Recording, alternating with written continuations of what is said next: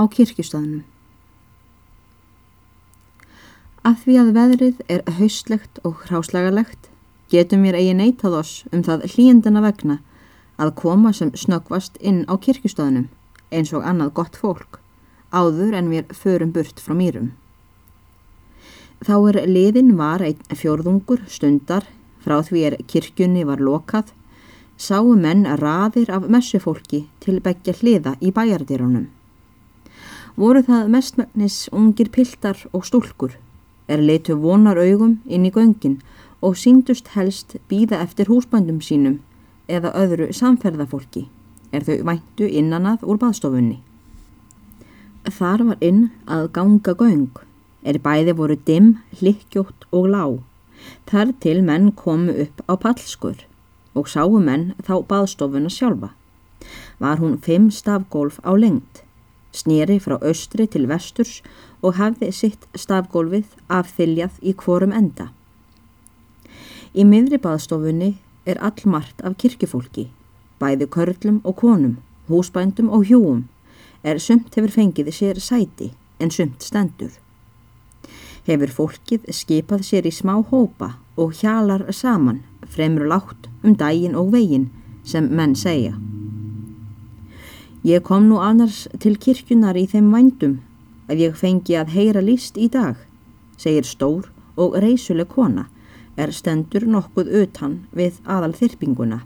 Í hóp sér nálagt austurhússtyrunum. Líst, segir önnur kvennmannsrött yngri. Já, þú segir satt, bætir hún við og dregur niður í sér röttina. Með hjúunum á gabli, yngimundi og þurriði. Það er nú farið að segja að ekki eigi að verða að því í höst og ef til vill líka aldrei. Gall við þykkleit vinnukona er stóð til hægri handar frá stóru konunni og rétt hjá henni. Nei, því skildi ég þó ekki trúa hérðan af, mælti stóra konan og glotti við. Hvernin veistu það annars? Ég fretti það í dag, núna rétt fyrir embættið, svaraði þykleita stúlkan alvarleg og svo einn sagði mér sem mun fara næri um það. Hún bað mig heldur ekkert fyrir það. Nú gengur yfir mig, ansaði stóra konan, gangtekin af undrun. Það var þó annað að heyra á þurriði í vor, þegar hún vildi sem ákavast komast að gabli. Ætli það sé annars yngimundur sem bilar, eða hvernig ætli þessu sé varið. Þus gáðu að þér yngun. Hann björn á gabli situr sjálfur inni í vesturhúsinu. Hann gæti hirt til þín, segir stúlkan með unglegu röttinni, eftir að hún hefur gegst inn í stafgólfið í vesturendanum og fullvisað sig um að þar er inni sjálfur húsbóndin á gabli og bróðir yngjumundar. Ég held að sé þá frjálst fram borið, segir stóra konan, er við hérðan af munum kalla yngunni. Það er eitthvað parið óefnilegra og talar hún nú í meðal róm, en síðan bætur hún við í lágum róm. En þó þætti mér mál komið fyrir þurriði mína að hún færi að gifta sig, eftir því að dæma sem nýlega hefur borist til erna mér. Þetta heyrðu vart aðrir en stúlkurnar sem hjá stóðu. Þegar yngun hafði mælt síðustu orðin, brostu þar allar þrjár og skiptust við augnatilliti er mjög var einkennilegt. Betur að það væri þó tilhæfu löst, segir þykleita vinnukonan. Það er að vonandi að svo sé, segir stúlkan með unglegu röttinni. Vist er það vonandi, segir yngun nokkuð brosleit og efablandin. Í þessu byli opnar þykleita stúlkan austurhústyrnar til háls, kallar inn og segir Ferðu ekki bráðum að fara þorstein? Jú, ég kem bráðum, svarar rödd að innan. Hún snýri frá hurðinni brosandi, gekk því næst af yngunni og kvísaði einhverju í eiraða honni sem enginn fekk að heyra. Jórun, er hún þarna? segir yngun í halvum hljóðum. Uss, ekki hátt. Meðal annara orða, segir yngun og talar nú mjög látt. Hvað kom til að hún sat ekki stólnum sínum í dag eins og vant er? Ég er hrættum, það sé nú saga að segja frá því, ansaði þykkleita stúlkan og glotti við. Það er hætt við. Það sé ekki sem best til vina núna sem stendur á sumum bæjanum í dalnum. Ef þú vissir það allt, eins og það er, yngun, þá myndi þér þykja smá skrítið sumt svona. Þessi orð voru töluð svo lágt að naumast gáttu fleiri hirt en yngun, með því líka hitt fólkið var að skrafa um sitt hvað í baðstofunni og talaði í fullum málrómi. Eftir nokkra íhugun tekur yngun aftur til orða og segir nú við þikkleitu vinnukonuna í fullkomnum róm. Hvað kemur annars til að ég fæ aldrei að sjá þig gutta? Þú hefur alls einu sinni komið síðan þú fóst frá mér í fyrra. Ó já, svarar hinn og getur mér hérðan af kallað hanna guttu heldur en ekkert. Það er sagt að nóg sé til að gera, trú ég. Nóg að gera, svarar yngun. Það eru allir húsbændur skildir til að lofa hjónum að rétta sig svo litið upp. Fáðu nú að fara einhver tíma um vetranæturnar og má ekki minna vera en þú sért þá hjá mér þrjá nætur um kyrt, þá einu sinni þú kemur. Ekki veit ég hvernig það gengur, ansaði gutta. Allir þórunni þykji ekki eins þart að ég sé við eldhúsverkin mín eins og vant er. Hvernig fellur þér annars á hálsi? Svona, blessuð þú mátt til að fá að koma. Ég vona eftir þér um vetranæturnar og þér er óhætt að skila frá mér kveðju til þórunnar og því með að ég byrji hana að lofa þér einhver tíma fram eftir. Heyriru það? Ég vona eftir þér laugardaginn fyrsta í vetri. Við þurfum svo margt að tala saman. Þó við sjáumst hér allar hans snöggvast, þá met ég það sama sem ekki neitt. Við getum ekkert talað saman. Flest, eða allt þetta var talað svo látt, að eigi heyrðu aðrir en þrjár eða fjórar pennpersonur er í nánd stóðu. Eftir litla málkvíld tekur yngun aftur til máls og talar nú öllu lægra en áður. Heyrðu gutta, veistu hvort Þórdísa Fossi verður kyrr eftir leiðis eða ekki? Ekki veit ég hvort hún verður, ansaði gutta. En það veit ég að Jórun hefur falað hana og hrætt er ég um að Þórdís hafi enn ekki sagt af eða á. Blessuð, fyrst þú ert svona nálagt, þá reyndu nú að ná í hana til hennar yngveldar sýstur minnar. Hana vanhagar um stúlku til næsta árs sem gæti verið notaleg í höndunum.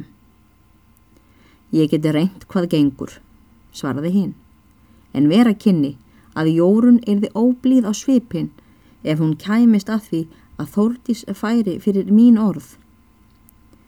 Og kerðu þig kollóttagutta. Þú átt miklu fremur vandgert við yngveldi sýstur mína en Jórunni.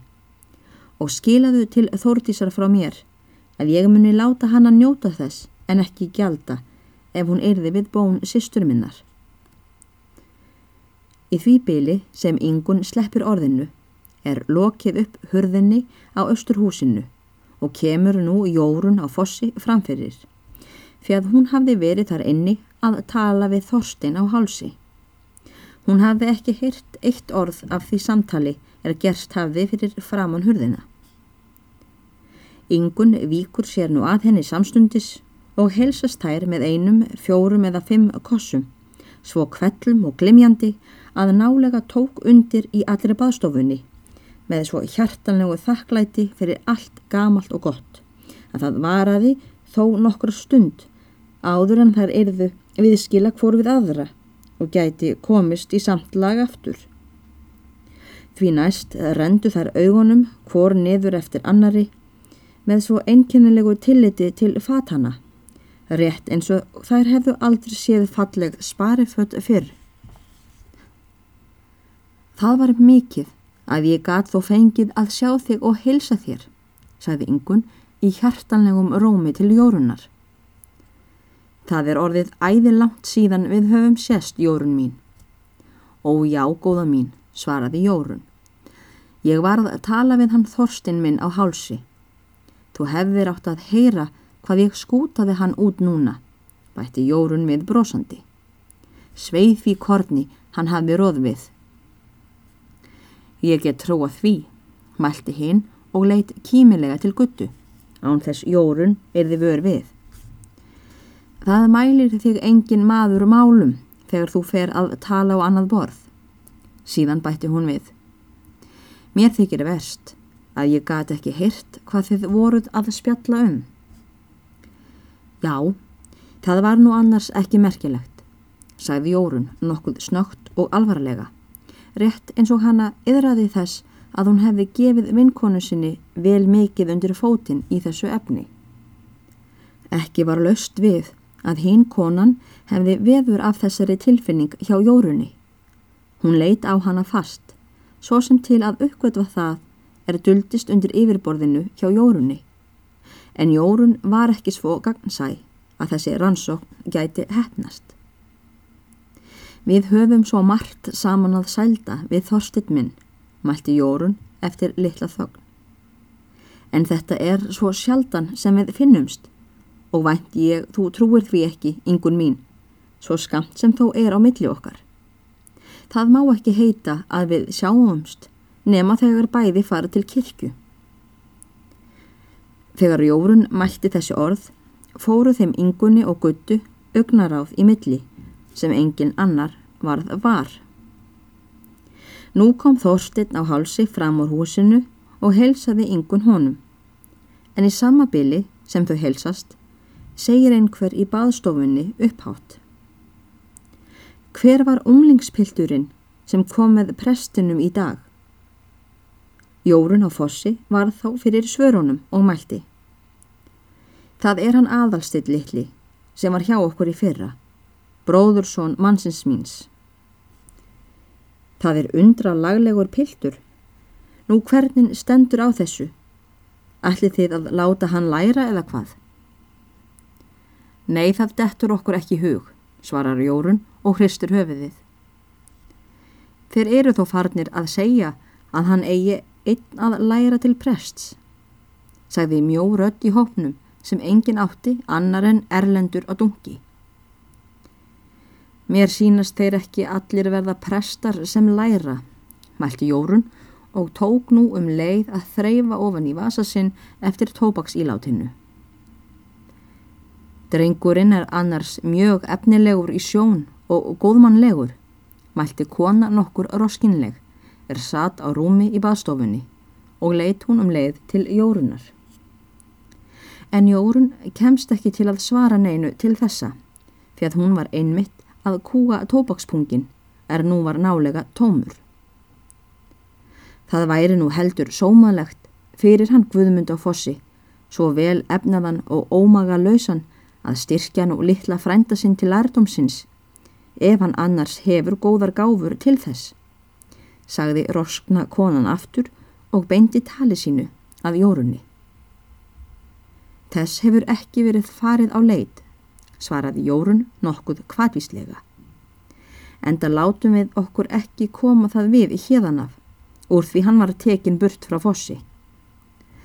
Annars gátum við aldrei fundið að hann hefði þær gáfur, drengurinn, að honum ólustöðum að öðru leiti. Hann er annars líkur henni móður sinni, drengurinn, að ég held í flestu. En hvort heldur var að Jórunni geðjaðist ekki að halda samtalið þessu lengur áfram eða hitt var heldur að hinn tómi tóbakspungur raka á eftir henni að komast heim til að skera. Hvort heldur olli vitum ég ekki, en vist var það að jafn skjótt sem Jórun hafði lokið tali sínu um aðalstein, þá sneri hún sér bísna kvallega og mælti. Ert þú þarna einar? Já, svarar hann og tekur viðbragð. Farðu undir eins að leggja á hestin. Ég fer að fara heim. Mælti Jórun og tók samstundis að hvaðja kunningjana sem í baðstofunni voru.